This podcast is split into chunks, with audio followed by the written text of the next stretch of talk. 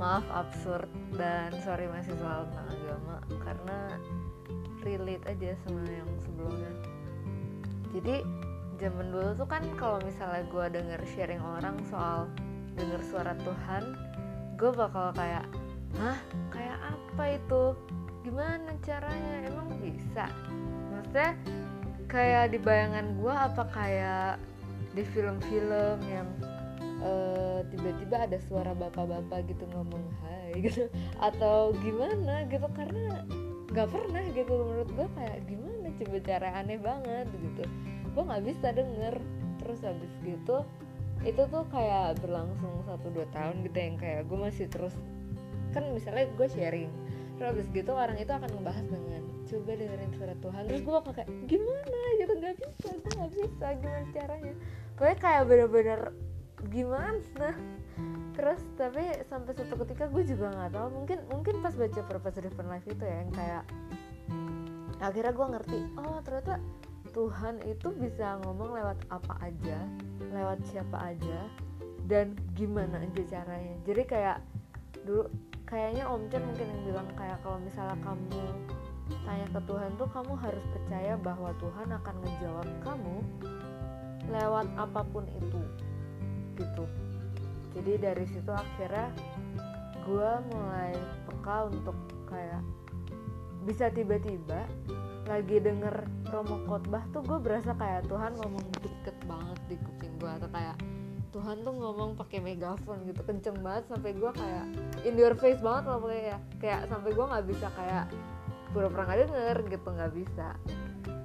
Terus uh, mulai dari situ sih akhirnya baru sadar kayak wah ternyata ini suara Tuhan gitu. Jadi kayak sejak saat itu kalau misalnya denger khotbah atau denger um, apa namanya iya pokoknya kayak baca baca renungan harian tuh bener-bener kayak berusaha untuk Tuhan mau ngomong apa? Gitu Tuhan mau ngomong apa? Jadi kayak akhirnya gue bisa denger Tuhannya ngomong apa. Sampai kadang tuh kalau lagi kenceng banget tuh sampai kayak ampun ampun. Kayak oke oke oke oke gitu terus um, tapi ini semua tuh karena akhirnya gue ngerti Roh Kudus tuh fungsinya apa gitu. Maksudnya kayak gue nggak mungkin bisa denger suara Tuhan tanpa si Roh Kudus ini gitu. Jadi kalau dulu kan gue nggak ngerti apa itu Roh Kudus gue nggak ngerti beda dari Tritunggal Roh Kudus itu apa.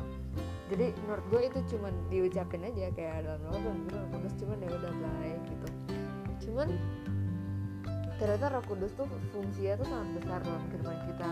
Dan itu gue juga bertanya pas trainer hidup baru dalam roh itu kan.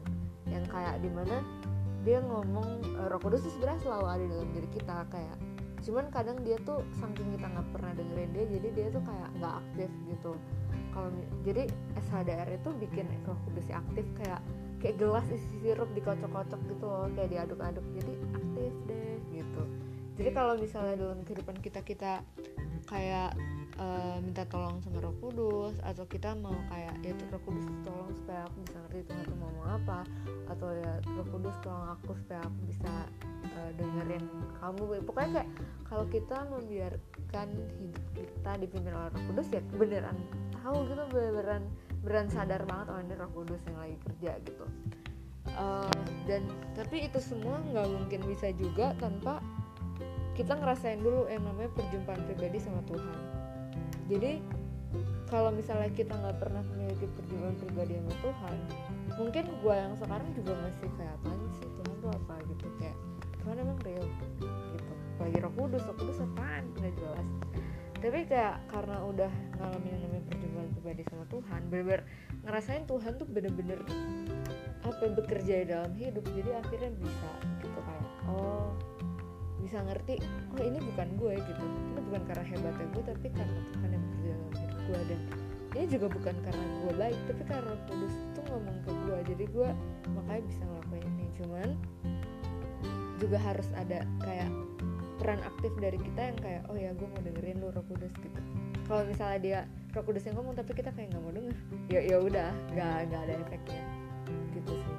Dan kayak bener-bener uh, dari sering baca firman terus dari sering baca renungan harian terus juga sering denger homili dengerin khotbah pewarta alam tuh lama-lama jadi kayak sebenarnya yang ngomong itu bukan orangnya tapi Tuhan gitu. Jadi kadang mungkin kita dengerin khotbah gila khotbah tuh boring banget parah gitu.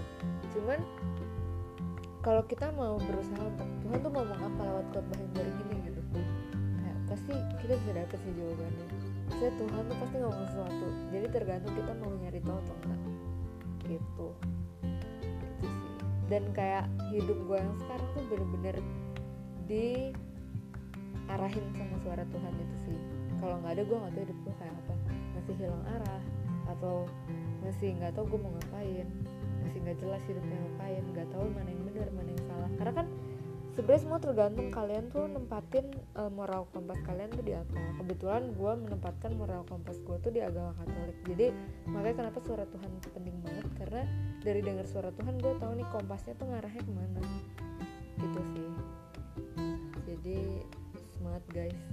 Semoga apa pun kepercayaan kalian itu bisa membantu kalian untuk menentukan mana yang baik mana yang buruk apa yang sebaiknya dilakukan apa yang harus dipilih di antara dua pilihan yang mungkin kadang sama-sama baik dan uh, bisa bawa kalian untuk lebih dekat lagi sama purpose calling dan kayak untuk apa kalian ada gitu loh di dunia ini. Karena kalau misalnya hidup cuma numpang tinggal doang kayak kurang afdol tapi ya pokoknya lakukan apa yang bisa bikin